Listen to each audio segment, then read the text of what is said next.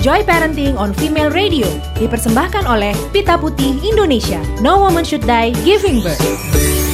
Oke, apa kabar semuanya untuk Femalicious? Juga buat para pendengar podcast Joy Parenting. Mudah-mudahan semua dalam keadaan sehat. Assalamualaikum warahmatullahi wabarakatuh. Salam sejahtera, Om, Swastiastu, Om Swastiastu untuk semuanya. Mudah-mudahan kita semua selalu dalam keadaan sehat, bahagia, keluarga juga sehat. Kita bisa menghabiskan waktu yang luar biasa bersama dengan keluarga. Ini menyenangkan sekali. Saya Ben Kasyafani bisa ketemu lagi, bisa bertemu suara lagi dengan uh, pendengar podcast Joy Parenting. Ini sedikit aja aku cerita ya. Jadi memang pada awal-awal PSBB ini kita sempat ramai, ada bercandaan katanya begini. Negatif swab test tapi positif test pack. Ini akibat katanya kebanyakan menghabiskan waktu bersama dengan pasangan. Memang sih, ya senang, sekaligus juga agak sedikit bingung-bingung, ada worry-nya pastinya. Karena hamil di saat pandemik pasti punya challenge tersendiri. Apalagi kan ibu hamil termasuk golongan bisa dikatakan beres, cukup beresiko yang harus diperhatikan dan harus dijaga ekstra ketat kesehat, kesehatannya apalagi di tengah pandemik seperti ini. Jadi karena tidak hanya menyangkut kesehatan tapi juga keselamatan ibunya tapi juga si cabang bayi. Ini dengan dukungan optimal dalam terciptanya kehamilan yang sehat, harapannya sudah pasti akan terwujud generasi penerus bangsa kita yang quotes and quotes premium di masa mendatang. Nah makanya hari ini kita akan ngobrol tentang persiapan untuk menjalani masa kehamilan di masa pandemik. Yang pertama aku mungkin boleh sambut aja, ini ada Mbak Sri Wahyuni, tapi katanya di Pita Putih Indonesia teman-teman lebih akrab manggilnya ada Mbak Enci ya? Iya, halo, salam Halo, kenal. salam kenal Mbak Enci. Jadi aku jelasin sedikit, Pita Putih Indonesia ini sebuah organisasi yang fokusnya ini mengatasi masalah yang dialami perempuan dan anak-anak di Indonesia, khususnya yang mengenai percepatan penurunan angka kematian ibu dan e, bayi. Banci ya. ini juga seorang bidan dan juga seorang dosen di Universitas Bakti Kencana di Serang. Serang, nah, iya. Selain itu ada tamu kita, bukan tamu sih, sebenarnya tuan rumah, sahabatku, gitu ya. aku juga. Sudah pasti kita akan bersama dengan Retno Dewanti Purba atau Mbak Neno. Hai, selamat pagi. Selamat pagi. Sehat Mbak Neno? Alhamdulillah sehat walafiat. Siap hari ini kita akan berondong dengan sejuta pertanyaan Mbak Neno. Yes, siap. Tapi sebelum kita ngobrol-ngobrol, sebelum kita bicara banyak mengenai uh, hal ini, kita juga mendapatkan kehormatan karena kita sudah bergabung juga dari Ketua Putih uh, Ketua Pita Putih Indonesia. Kita akan mendengarkan sambutan dari Ibu Dr. Insinyur Giwo Rubianto Wiyogo MPD. Apa kabar Ibu Giwo? Baik, alhamdulillah. Terima kasih. Sama-sama kita yang terima kasih banyak atas kesediaannya untuk bergabung. Mungkin kita memberikan tempat dan waktunya untuk sedikit memberikan uh, sambutannya untuk kita juga untuk teman-teman pendengar podcast. Ya, baiklah. Terima kasih. Saya ucapkan salam kenal kepada Femalicious mm-hmm. dan pendengar podcast Joy Parenting uh, saya merasa sangat bahagia dapat bersilaturahmi pada hari ini. Uh, baiklah dengan mengucap puji syukur kehadirat Allah Subhanahu wa taala. Alhamdulillah atas segala karunia, nikmat dan hidayahnya di dalam masa pandemi kita masih diberikan kesempatan untuk berdiskusi, memberikan uh, saling memberikan informasi uh, saya menyampaikan, memperkenalkan tentang Pita Putih Indonesia yang merupakan organisasi kemasyarakatan yang bersifat sosial. Nah, di antaranya ada di sini yang Mbak Enci ini aktif di Pita putih remajanya dan kami harapkan juga Femalicious dapat menjadi anggota dan bergabung dengan Pita Putih Indonesia. Nah, eh, saya sampaikan bahwa organisasi kemasyarakatan yang bersifat sosial ini berdiri merupakan anggota dari The White Ribbon Alliance for Safe Motherhood dengan 152 negara sebagai anggota yang mempunyai kepedulian yang sama terhadap penurunan angka kematian ibu dan peningkatan kesehatan ibu dan anak.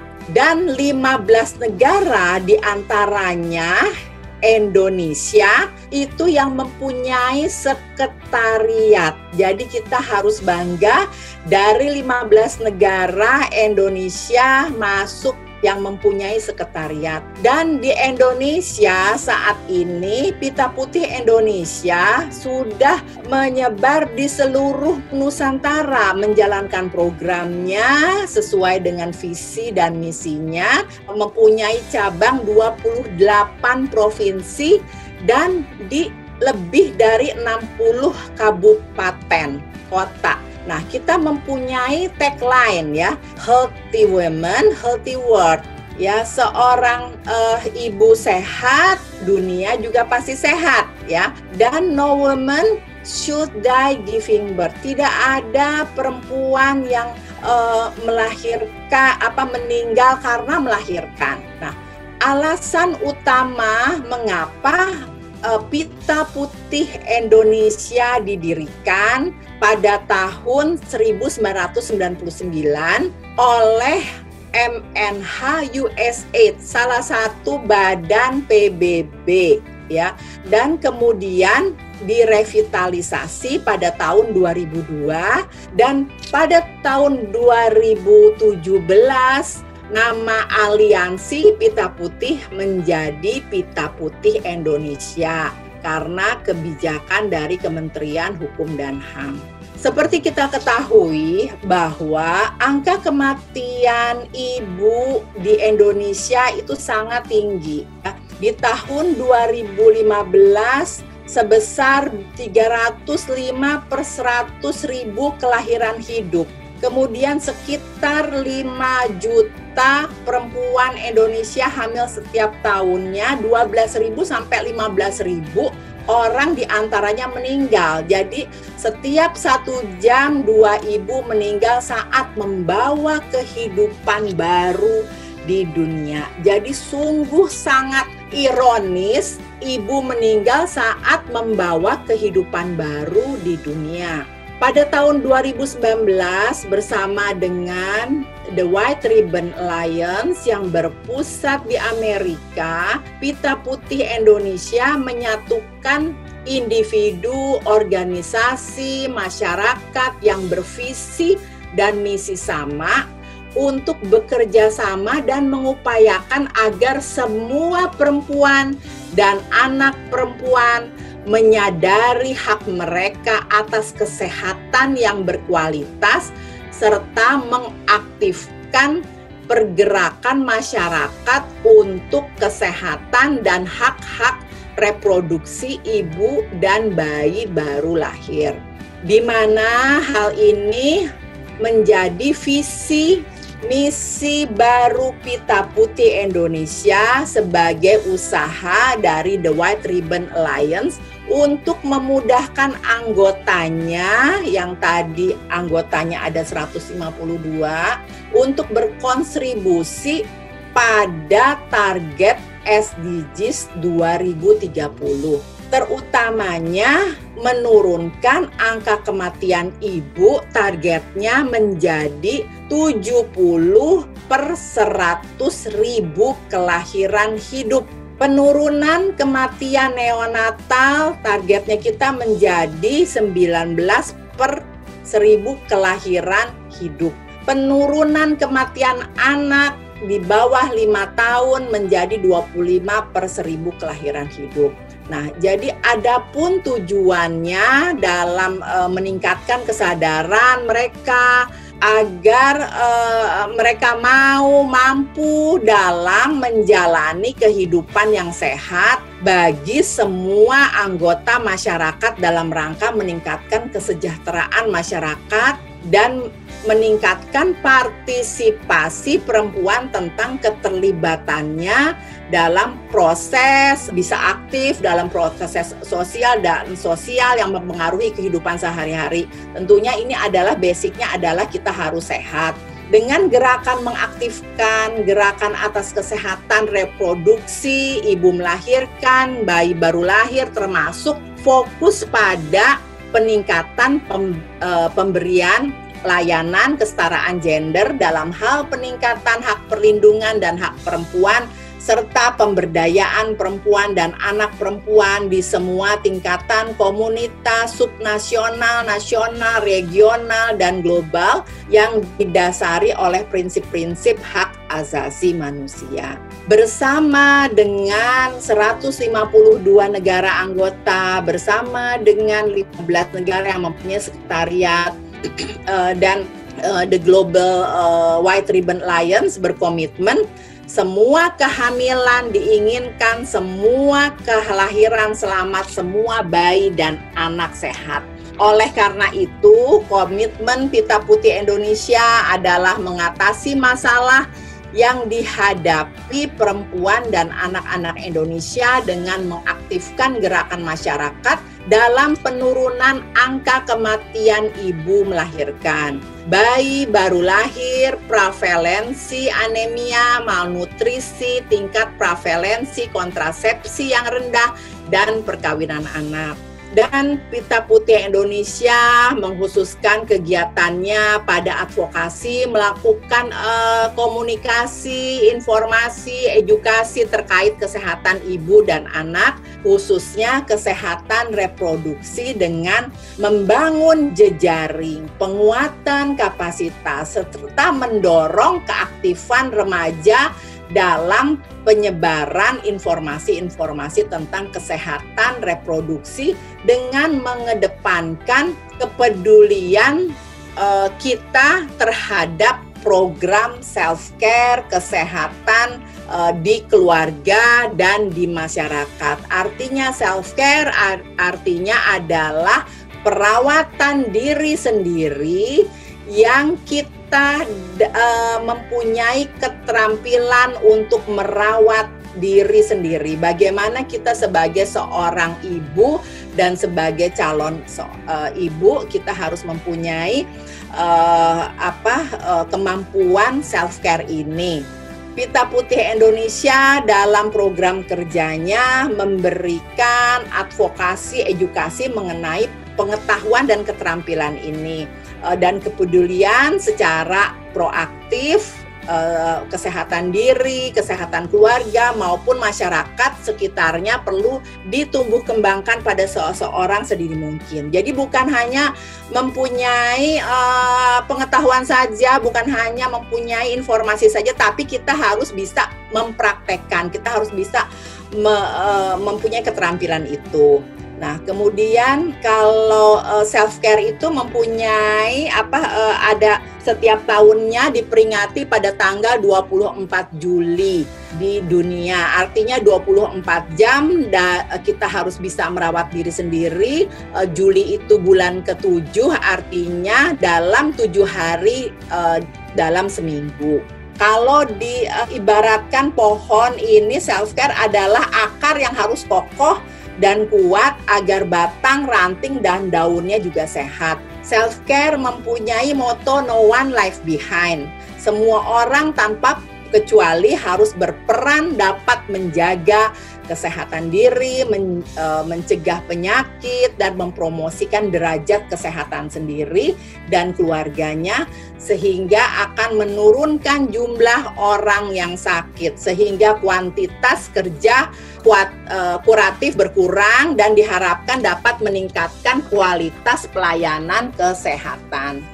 Dan pada saat ini selama masa pandemi COVID-19 kita yakini bahwa ibu hamil sangat rentan terhadap eh, COVID-19 karena menurunnya imunitas dan bahkan dapat berakhir dengan kematian bersama dengan bayi yang dikandung. Sudah banyak tenaga-tenaga kesehatan yang pada uh, apa uh, sedang hamil itu banyak meninggal karena COVID. Nah, hal ini tentunya kita bisa menyumbang uh, apa uh, bagaimana kita memberikan informasi kepada uh, ibu hamil dan agar angka kematian ibu ini menurun. Dan besar harapan kami sharing informasi mengenai panduan aman selama hamil melahirkan, nifas dan menyusui selama, selama pandemi COVID-19 ini dapat sampai ke masyarakat dan pita putih juga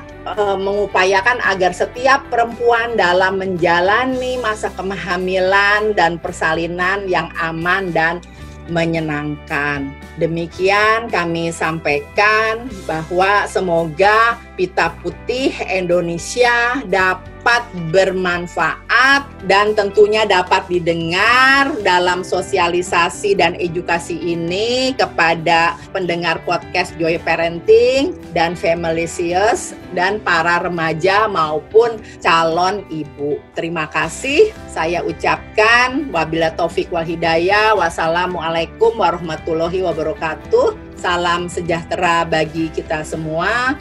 Om Santi Santi Santi Om. Terima kasih. Salam sehat, salam ibu bangsa. Terima salam kasih. sehat, salam Ibu Bangsa. Ibu Giwo, terima kasih banyak atas kesediaan waktunya. Sharingnya luar biasa. Memang misinya sudah pasti pembicara kita hari ini untuk menekan kematian e, ibu dan juga ibu hamil gitu ya. E, tadi kita udah dengerin sedikit. Nah, sekarang kita langsung menuju ke apa yang mau kita bahas ya, untuk hari ini. Yang pertama mungkin aku langsung aja ngobrol sama Mbak Neno nih. Memang perencanaan kehamilan merupakan hal yang paling penting dilakukan setiap pasangan suami istri baik itu secara psikologi atau psikolo, psikologis dan juga mental, fisik dan juga finansial. Pasti hal ini kan tujuannya untuk mendukung terciptanya uh, kehamilan yang sehat dan menghasilkan keturunan yang berkualitas. Nah, Mbak Nino, simpel aja. Ini pertanyaan semua orang pada saat sudah berencana untuk mempunyai anak. Aku pun juga pernah mempertanyakan itu sama diri kita sendiri gitu. Siap gak sih kita? Terus apa yang perlu kita siapkan? Terus tanda-tandanya kita sudah siap itu seperti apa secara psikologisnya gitu? Monggo Mbak Nino. Ya, Ben. Rasanya hmm. sekarang uh, kita udah nggak boleh lagi bilang bahwa jadi orang tua nggak ada sekolahannya ya. Hmm.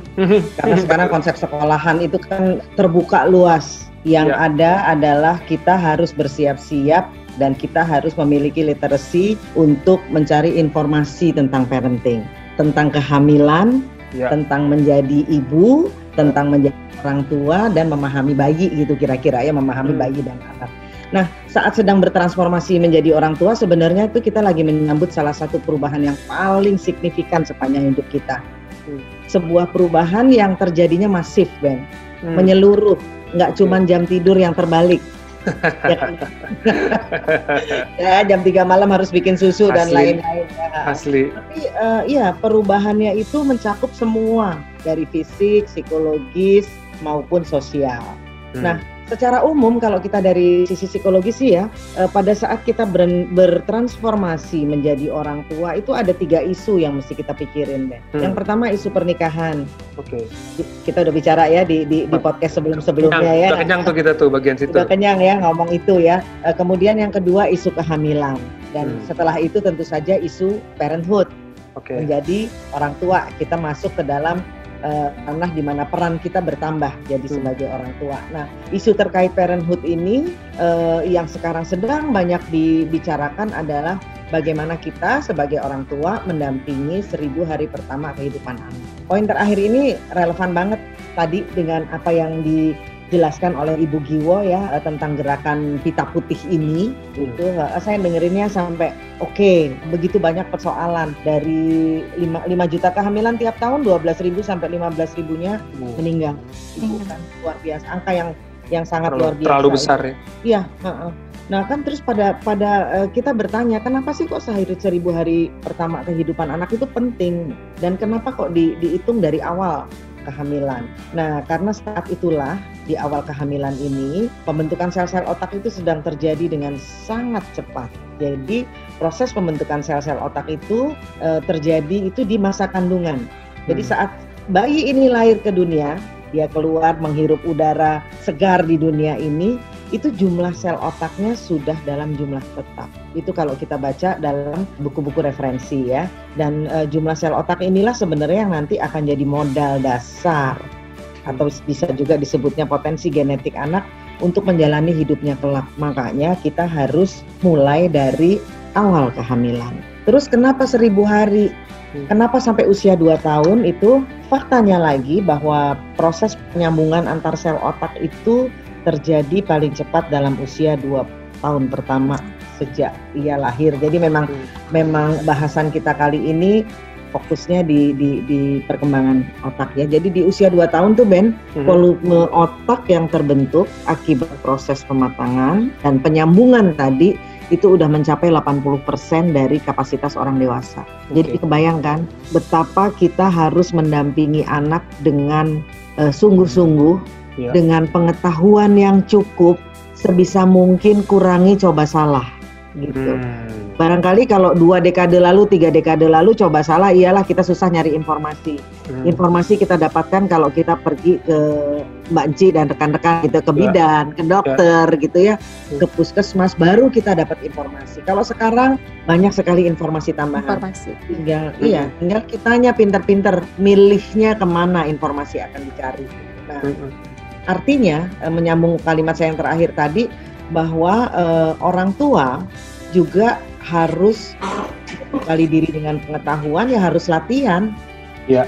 Heeh, Ya. Ikutinlah banyak-banyak pelatihan kalau menurutku untuk bisa perform sama seperti profesi lain. Ya. Eh, aku psikolog, Mbak Enci eh, eh, bidan gitu kan. Ya, Begitu selesai sekolah kan nggak berhenti belajarnya. Terus, Iya, Mbak Enci. ya. ya. Iya betul, banyak kegiatan eh, pelatihan-pelatihan yang bisa diikuti. Betul. heeh, jadinya Apalagi pengetahuan terus bertambah, gitu ada Bertambah. update-update lagi, iya. Hmm. Betul, jadinya makanya kalau aku bilang eh, Femilicious yang sekarang lagi hamil atau punya bayi, apalagi hamil pertama dan punya bayi pertama ya, Iya. kita tingkatkan lah gitu loh pemahaman kita, kita tambah skill kita gitu dan jadi Hmm. harus upgrade terus, Hmm. jangan sampai kejebak hoax Nah, itu dia tuh. karena Makanya- resikonya di anak loh. Iya. Gitu.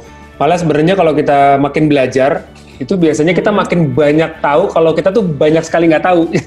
Nah, betul itu. Ada istilah gitu kan, makin belajar tuh harusnya kita merasa makin bodoh karena ternyata banyak hal yang kita rasa kita udah ngerti, ternyata well kita masih belum apa-apa ibaratnya gitu. Makanya tadi Mbak Iya. Eno bilang belajarnya nggak berhenti sampai di situ. Nah, Mbak Eno tadi jelasin dari segi dari segi eh, psikologisnya gitu kan. Persiapan mental penting untuk kesiapan mental penting dengan ilmu-ilmu yang perlu kita pelajari. Tapi juga fisik juga sangat penting. Gue inget waktu pertama kali ya mendampingi kehamilan anakku, salah satu screening yang paling sering dilakukan secara rutin itu oleh para tenaga kesehatan adalah tes darah untuk melihat apakah ada gejala anemia atau enggak. Mungkin buat Banci nih, ini hubungannya apa antara anemia dengan ibu hamil Banci? Oke, baik Kak Ben. Hmm. Jadi sebelum kita masuk ke hubungan anemia dan ibu hamil, saya mau jelaskan sedikit dulu nih informasi tentang anemia. Oke. Nah, anemia merupakan suatu kondisi di mana seseorang kekurangan kadar hemoglobin dalam darah. Oke. Jadi normalnya pada remaja putri atau perempuan dewasa kadar hemoglobin itu 12 gram persen. Atau Hmm. kalau ketika hamil itu 11 gram persen. Memang ada sedikit perbedaan karena pada saat hamil itu terjadi sistem peredaran darah yang eh, sedikit berbeda. Kemudian juga ada proses pengenceran darah dan lain-lain. Oke.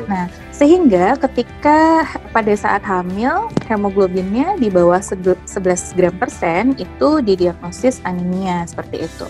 Pada trimester 1 dan 3 itu di bawah se- 11 gram persen namun eh, untuk trimester kedua itu di bawah 10,5 gram persen karena ada proses hemodilusi atau pengenceran darah gitu.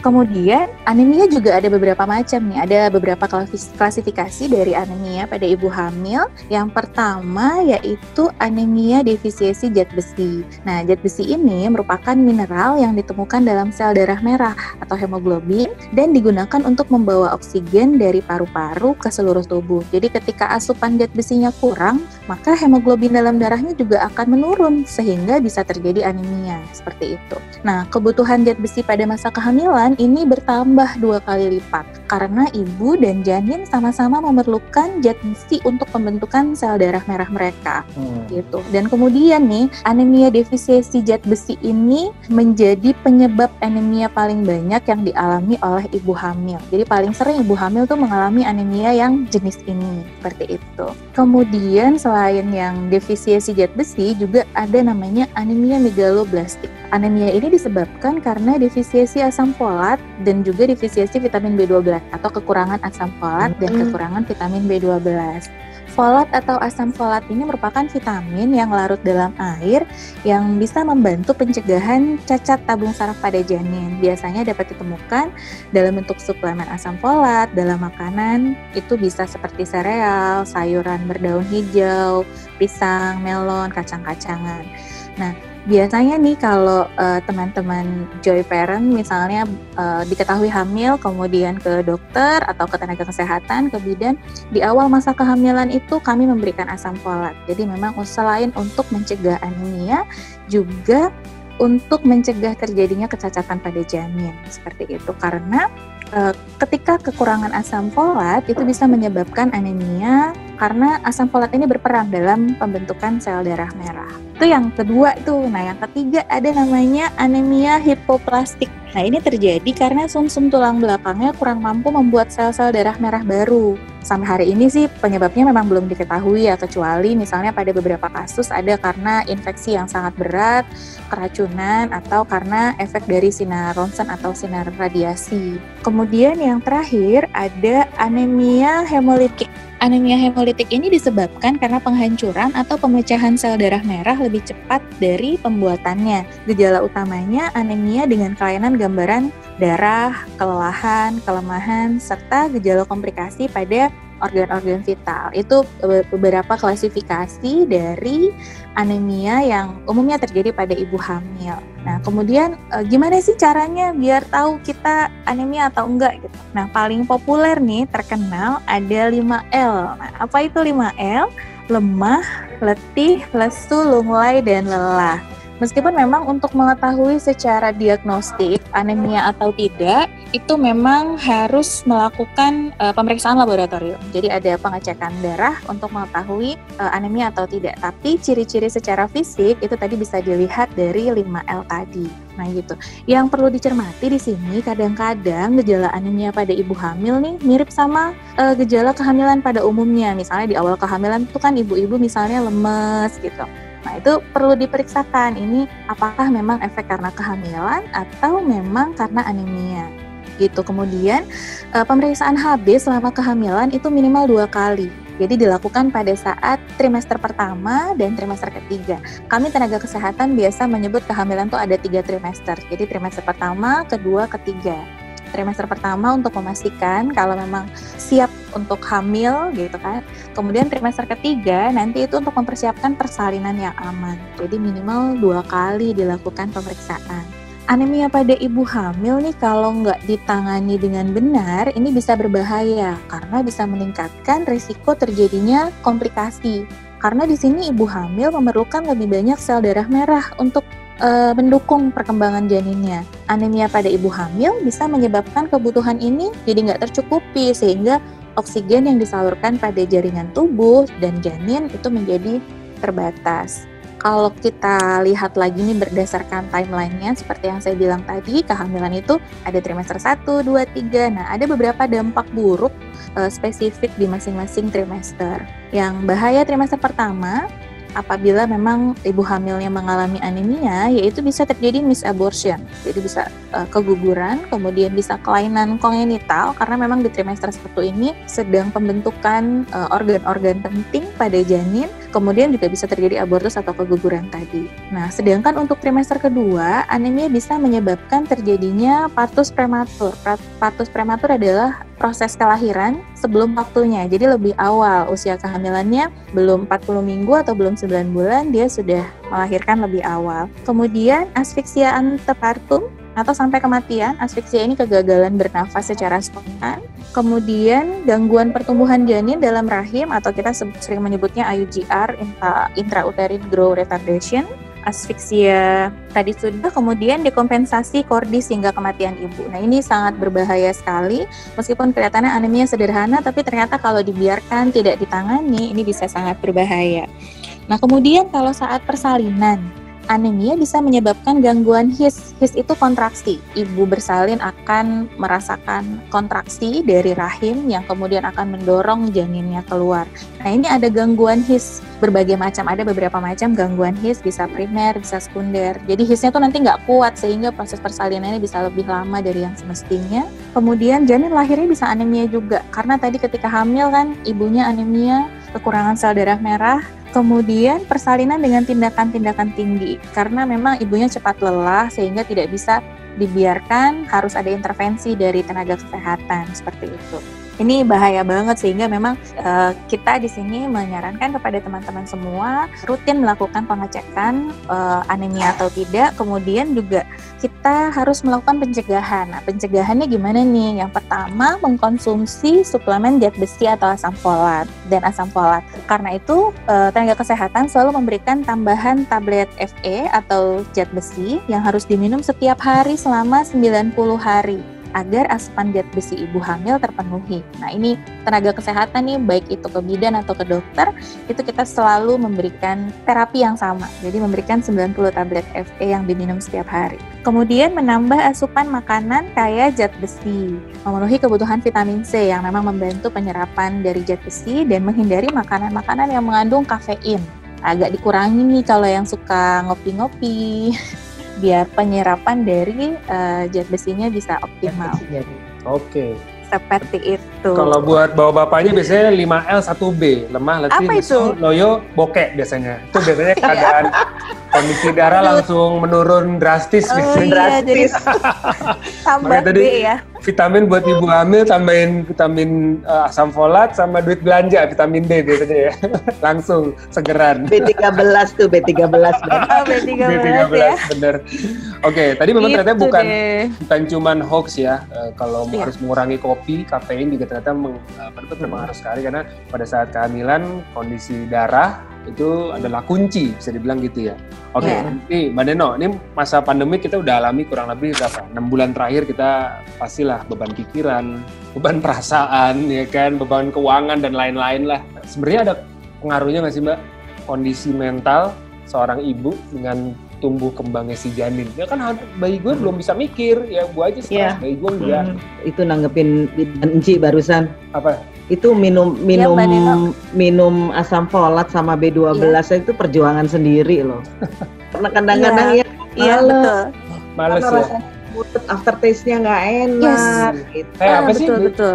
Apa sih hmm. ini biasanya gitu yang dimakan vitamin ya atau apa? Suplemen vitamin. untuk suplemen, suplemen ya? vitamin. Oh. Iya. Hmm. Jadi kemudian memang ada efek sampingnya juga tuh Mbak Neno beberapa ibu uh -huh. hamil yang minum itu tuh ada yang efeknya rada mual gitu hmm. dan lain sebagainya. Uh -huh. Sehingga memang yeah. akhirnya jadi males gitu nggak diminum. Okay, okay, males. Okay. Males pakai banget lagi, aduh. uh, tapi tentunya sekarang begitu ya. dijelasin, ya? dijelasin yeah. sama bidan Ci, tidak seharusnya kita males. Yes, yeah, yeah, yeah. gitu. Uh, uh, kalau bahasa anak sekarang Ben, gini Ben, telen. Telen aja udah, ya kan. Ini pokoknya telen. demi kesehatan ibu dan anaknya. Auto iya. auto minum, auto minum, auto sehat. Auto minum, auto minum, auto sehat, bener Aduh, ya nih, aku mau jawab pertanyaannya Ben nih. Hmm. Uh, ada pengaruhnya nggak sih kondisi mental di kondisi yang sekarang. Kalau kalau kurasa sih pada kondisi pandemik yang ini karena kita sebagian besar dari kita itu baru pertama kali mengalami gitu punya dampak ke semua jenis orang kayaknya ya, yang lagi hamil, yang anak-anak, yang remaja, yang sudah tua gitu. Nah, karena apa? Karena segala dinamika fisik maupun emosional yang terjadi, terutama pada ibu-ibu kehamilan ini, eh, ibu-ibu yang hamil gitu ya, sangat-sangat wajar ibu jadi merasa khawatir gitu ya. ya karena gini, waduh, misalnya takut datang ke rumah sakit, takut mau mau ke tempat bidan enci, takut deg-degan gitu. Nanti kan saya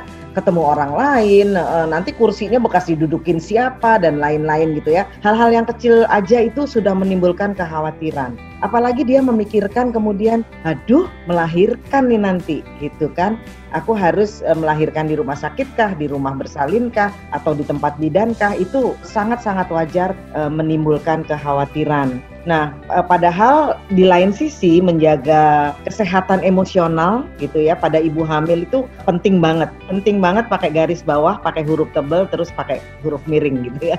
Jadi banget pentingnya ya, nggak hanya untuk dia sendiri, karena apa pun yang terjadi pada dia itu utamanya akan mempengaruhi kondisi si jabang bayi. Menurut cukup banyak penelitian, kondisi kesehatan emosional ibu hamil itu akan secara langsung mempengaruhi proses perkembangan otaknya, proses perkembangan emosi, proses perilaku dari janin yang dikandungnya. Jadi semuanya terpengaruh, Ben. Makanya tadi di awal aku ngomongin soal uh, perkembangan sel otak dan eh, sambungan-sambungan antara sel-sel itu begitu sudah uh, kita bicara so soal otak itu artinya kita sudah membicarakan keseluruhan yang terjadi pada diri kita baik fisik maupun psikis. Nah, Kalau ibunya stres, itu ada hormon yang namanya hormon kortisol, itu akan terlepas ke dalam darah dan masuk ke aliran janin yang dikandungnya sehingga janinnya boleh keboleh jadian janinnya juga ikut merasa stres juga besar gitu. Hmm. Walaupun kita jangan bayangin stresnya janin ya. itu stres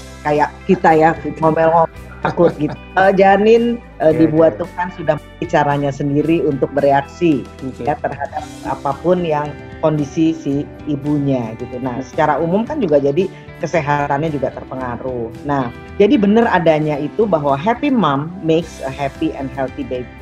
Itu kalau menurutku perlu kita camkan baik-baik gitu.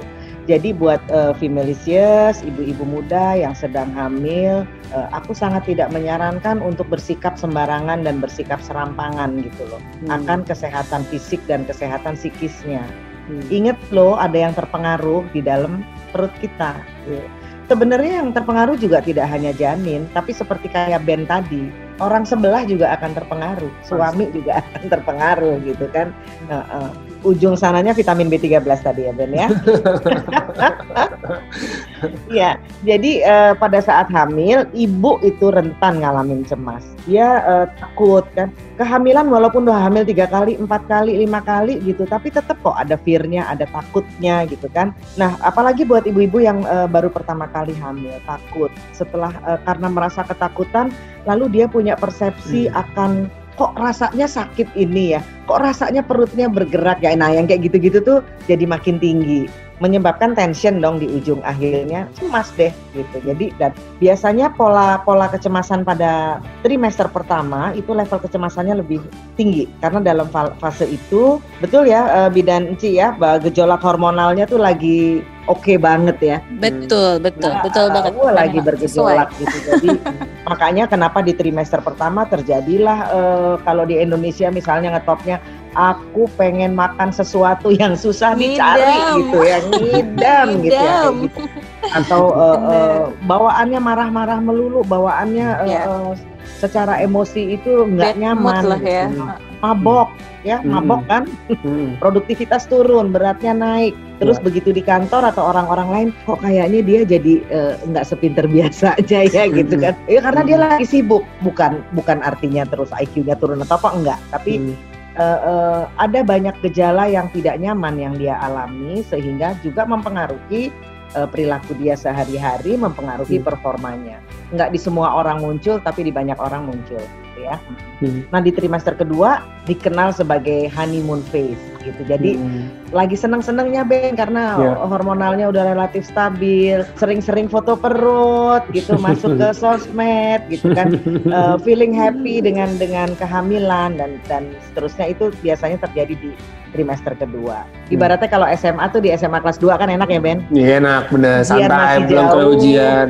Ujian masih jauh, di udah, udah, udah, sama. Betul. Udah, udah mulai kebiasaan sama sekolahnya lagi, udah, ya, udah, udah, udah punya junior betul. kan, kurang lebih gitu. Gitu, nah di trimester ketiga naik lagi anxiety-nya gitu. Iya.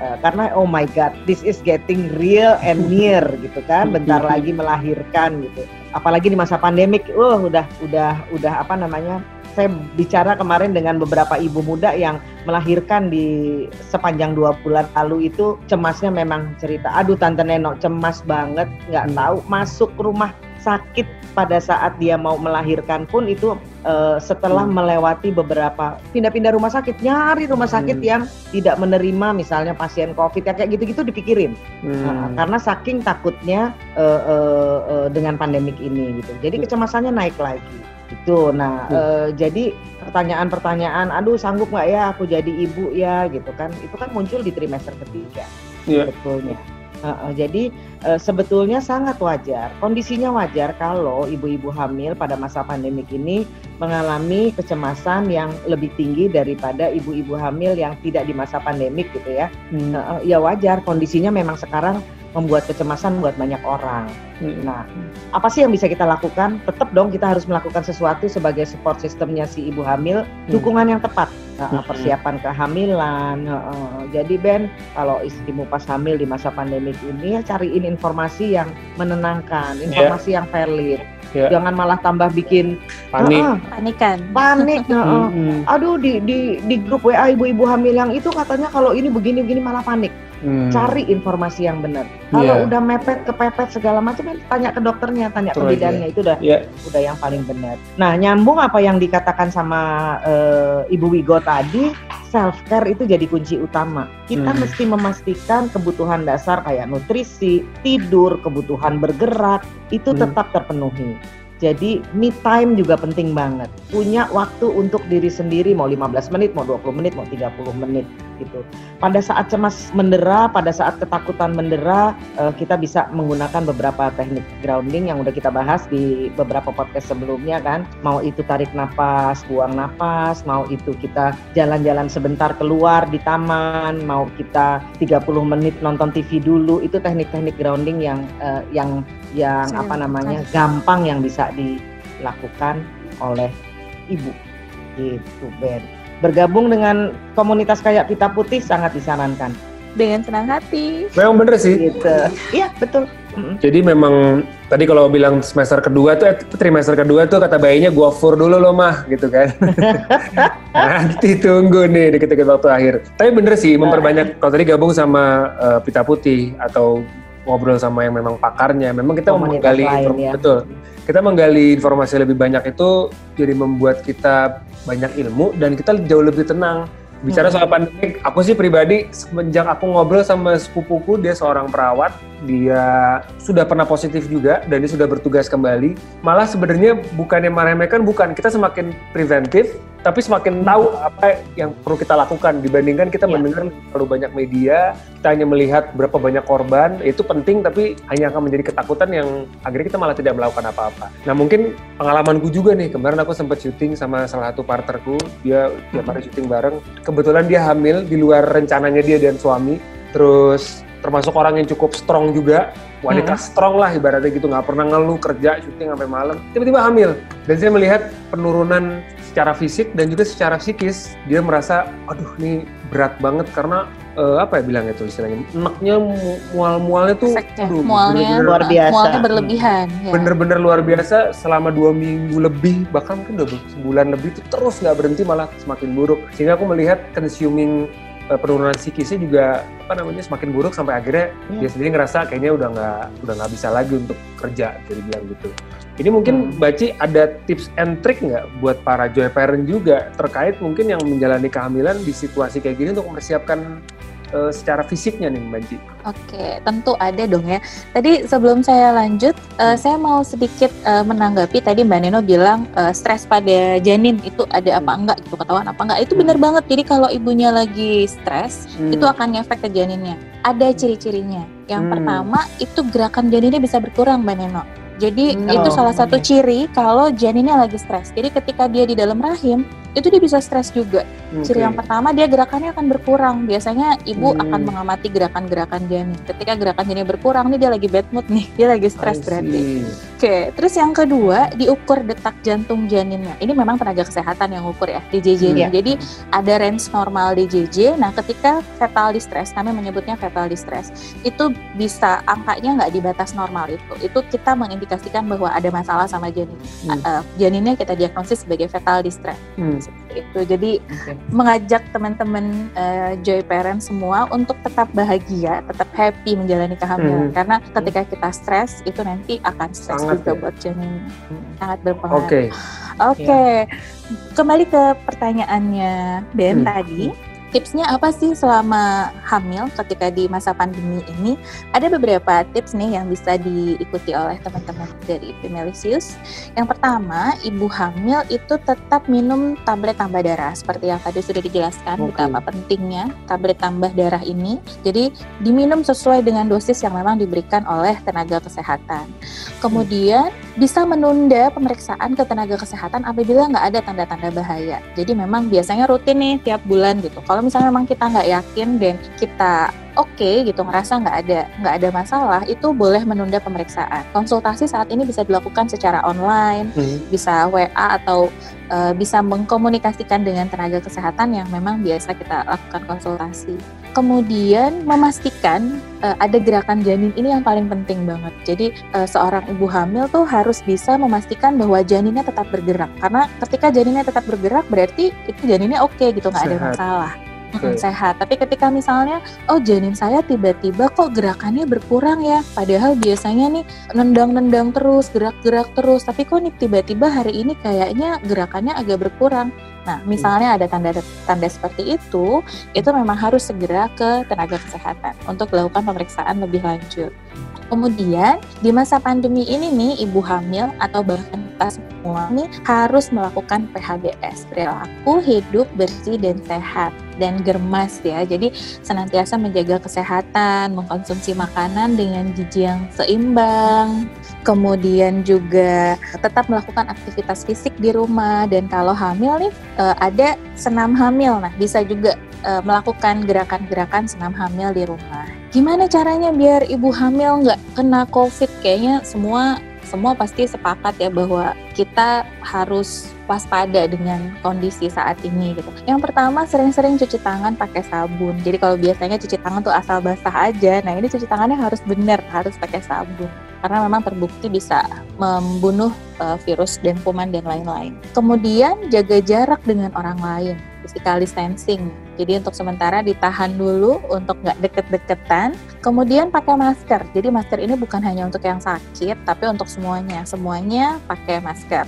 Dan menghindari menyentuh daerah wajah. Biasanya uh, kita secara nggak sadar gitu ya itu sering banget nyentuh daerah wajah. Nah ini mulai hari ini gitu itu harus dihindari. Nah sebelum, selama dan sudah melahirkan semua ibu hamil nih punya hak untuk mendapatkan perawatan terbaik dari mulai antenatal. Antenatal itu perawatan masa kehamilan, melahirkan, bayi baru lahir, pasca melahirkan dan kita semua berharap semua ibu-ibu hamil tuh aman dan mereka menikmati masa-masa kehamilannya. Nah semua perempuan ini karena berhak untuk selamat dan mendapatkan pengalaman melahirkan yang menyenangkan dengan atau tanpa terkonfirmasi COVID-19. Jadi kita berharap semuanya bisa sehat dan juga punya pengalaman yang menyenangkan. Diberi rasa hormat, kemudian diberi dukungan untuk menentukan pilihan. Seperti tadi juga Mbak Neno sempat bilang, pilih-pilih rumah sakit nih benar-benar yang kira-kira kita merasa aman dan nyaman gitu untuk bersalin di rumah sakit tersebut. Itu boleh. Bahkan seorang perempuan hamil gitu yang merencanakan uh, persalinan itu boleh memilih tenaga kesehatannya misalnya saya nyamannya dengan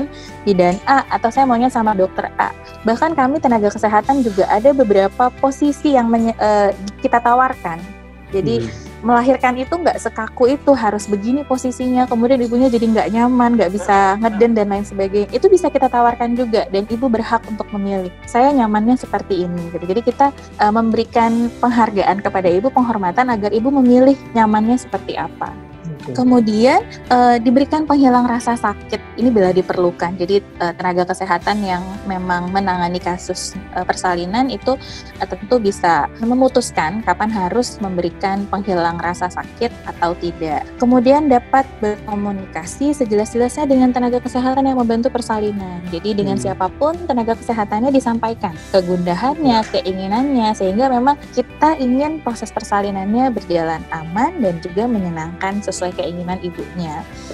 Kemudian itu proses persalinan. Nah, setelah bersalin, kita melewati masa nifas. Ibu-ibu itu melewati masa nifas. Jadi ada beberapa tips juga nih agar tetap aman selama menjalani masa nifas di masa pandemi. Jadi ibu nifas dan keluarga itu harus memahami tanda bahaya masa nifas.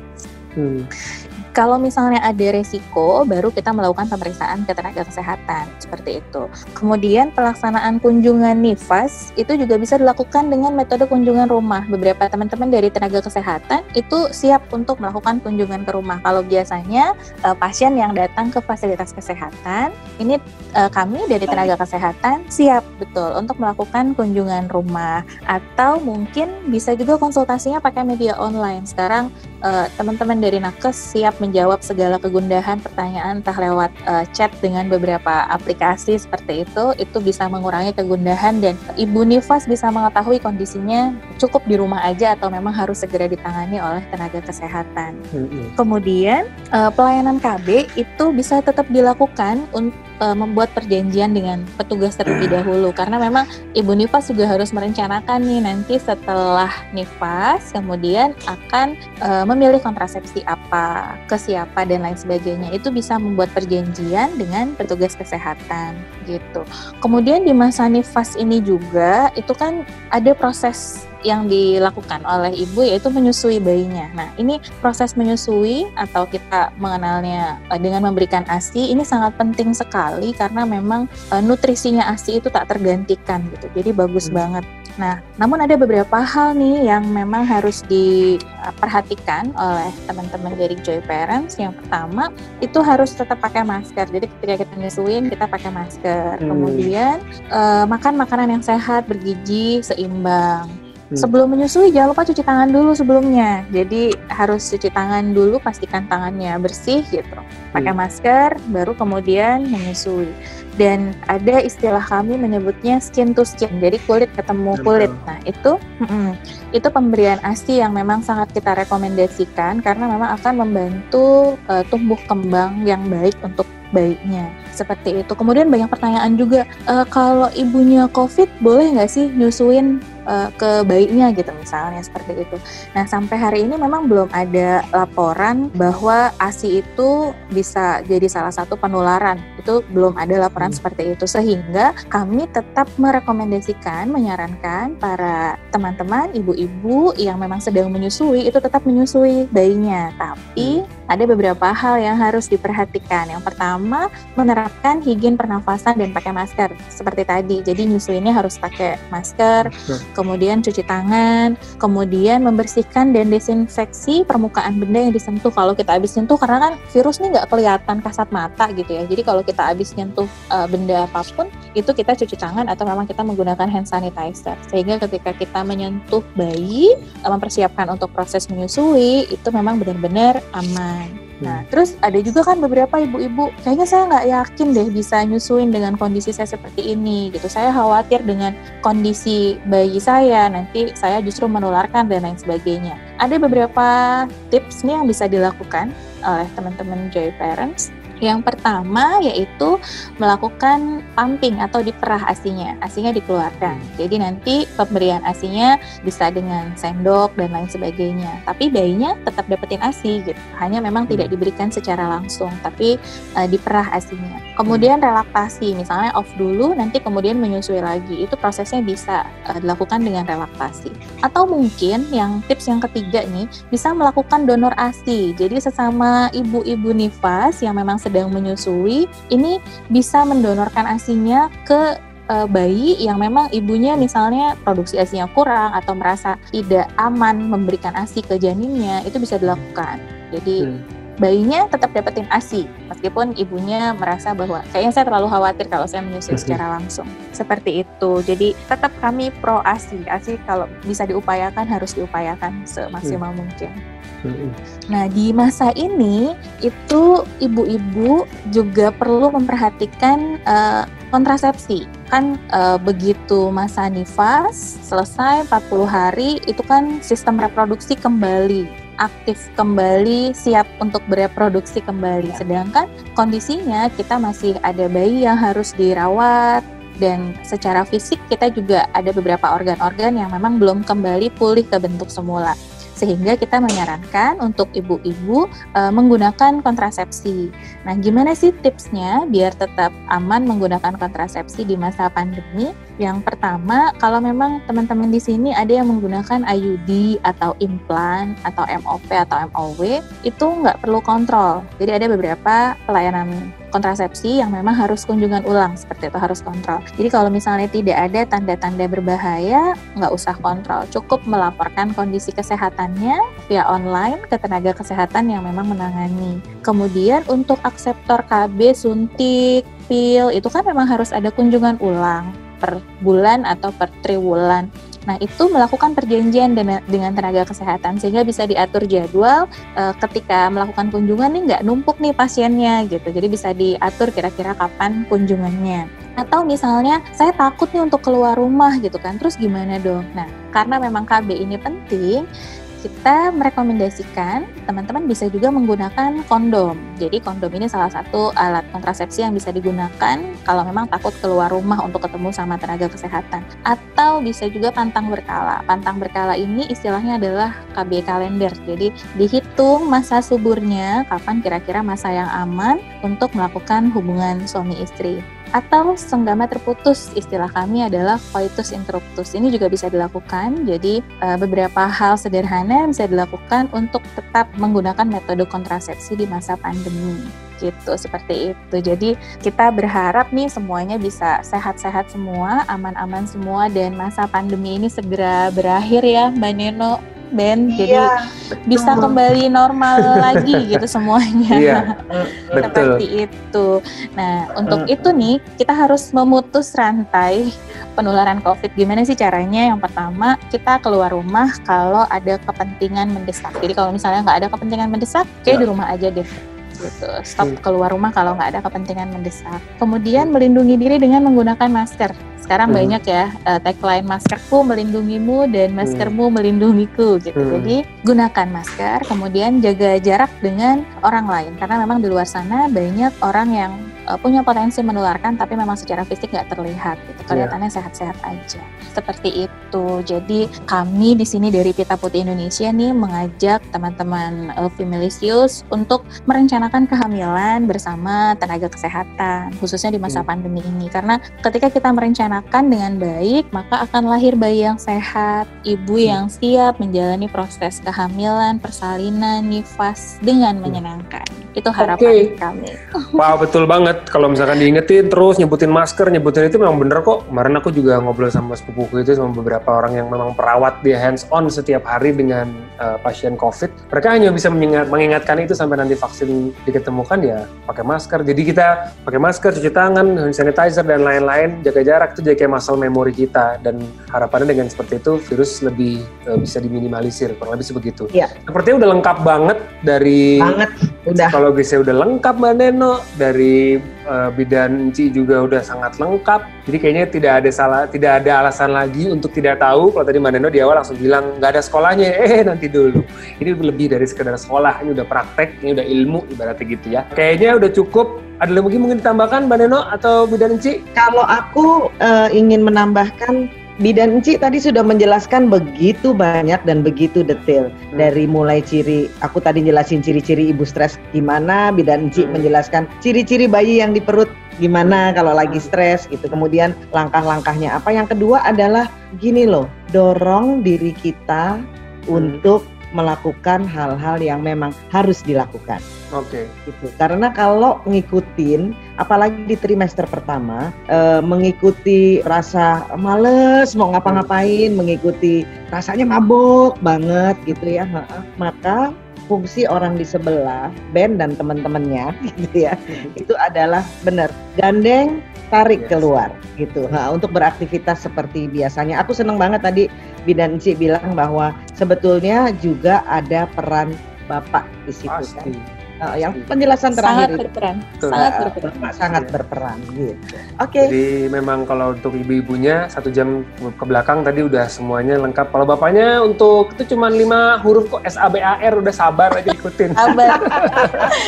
Aduh sabar ya. Sabar sabar. Oke okay. mudah-mudahan semuanya sehat. Terima kasih banyak Mbak Neno Bidanci ada ya, tim sama Parenting juga ada Silvi Panji Daisy dan teman-teman mudah-mudahan kita bisa ketemu lagi di edisi podcast Joy Parenting berikutnya Salam untuk keluarga. Kita bertemu lagi di kesempatan selanjutnya. Assalamualaikum warahmatullahi wabarakatuh. Sampai jumpa. Bye bye semuanya. Waalaikumsalam warahmatullahi wabarakatuh. Sampai jumpa. Terima kasih. Joy Parenting on Female Radio dipersembahkan oleh Pita Putih Indonesia. No woman should die giving birth. Semua perempuan berhak mendapatkan pengalaman hamil, melahirkan, nifas dengan aman dan menyenangkan.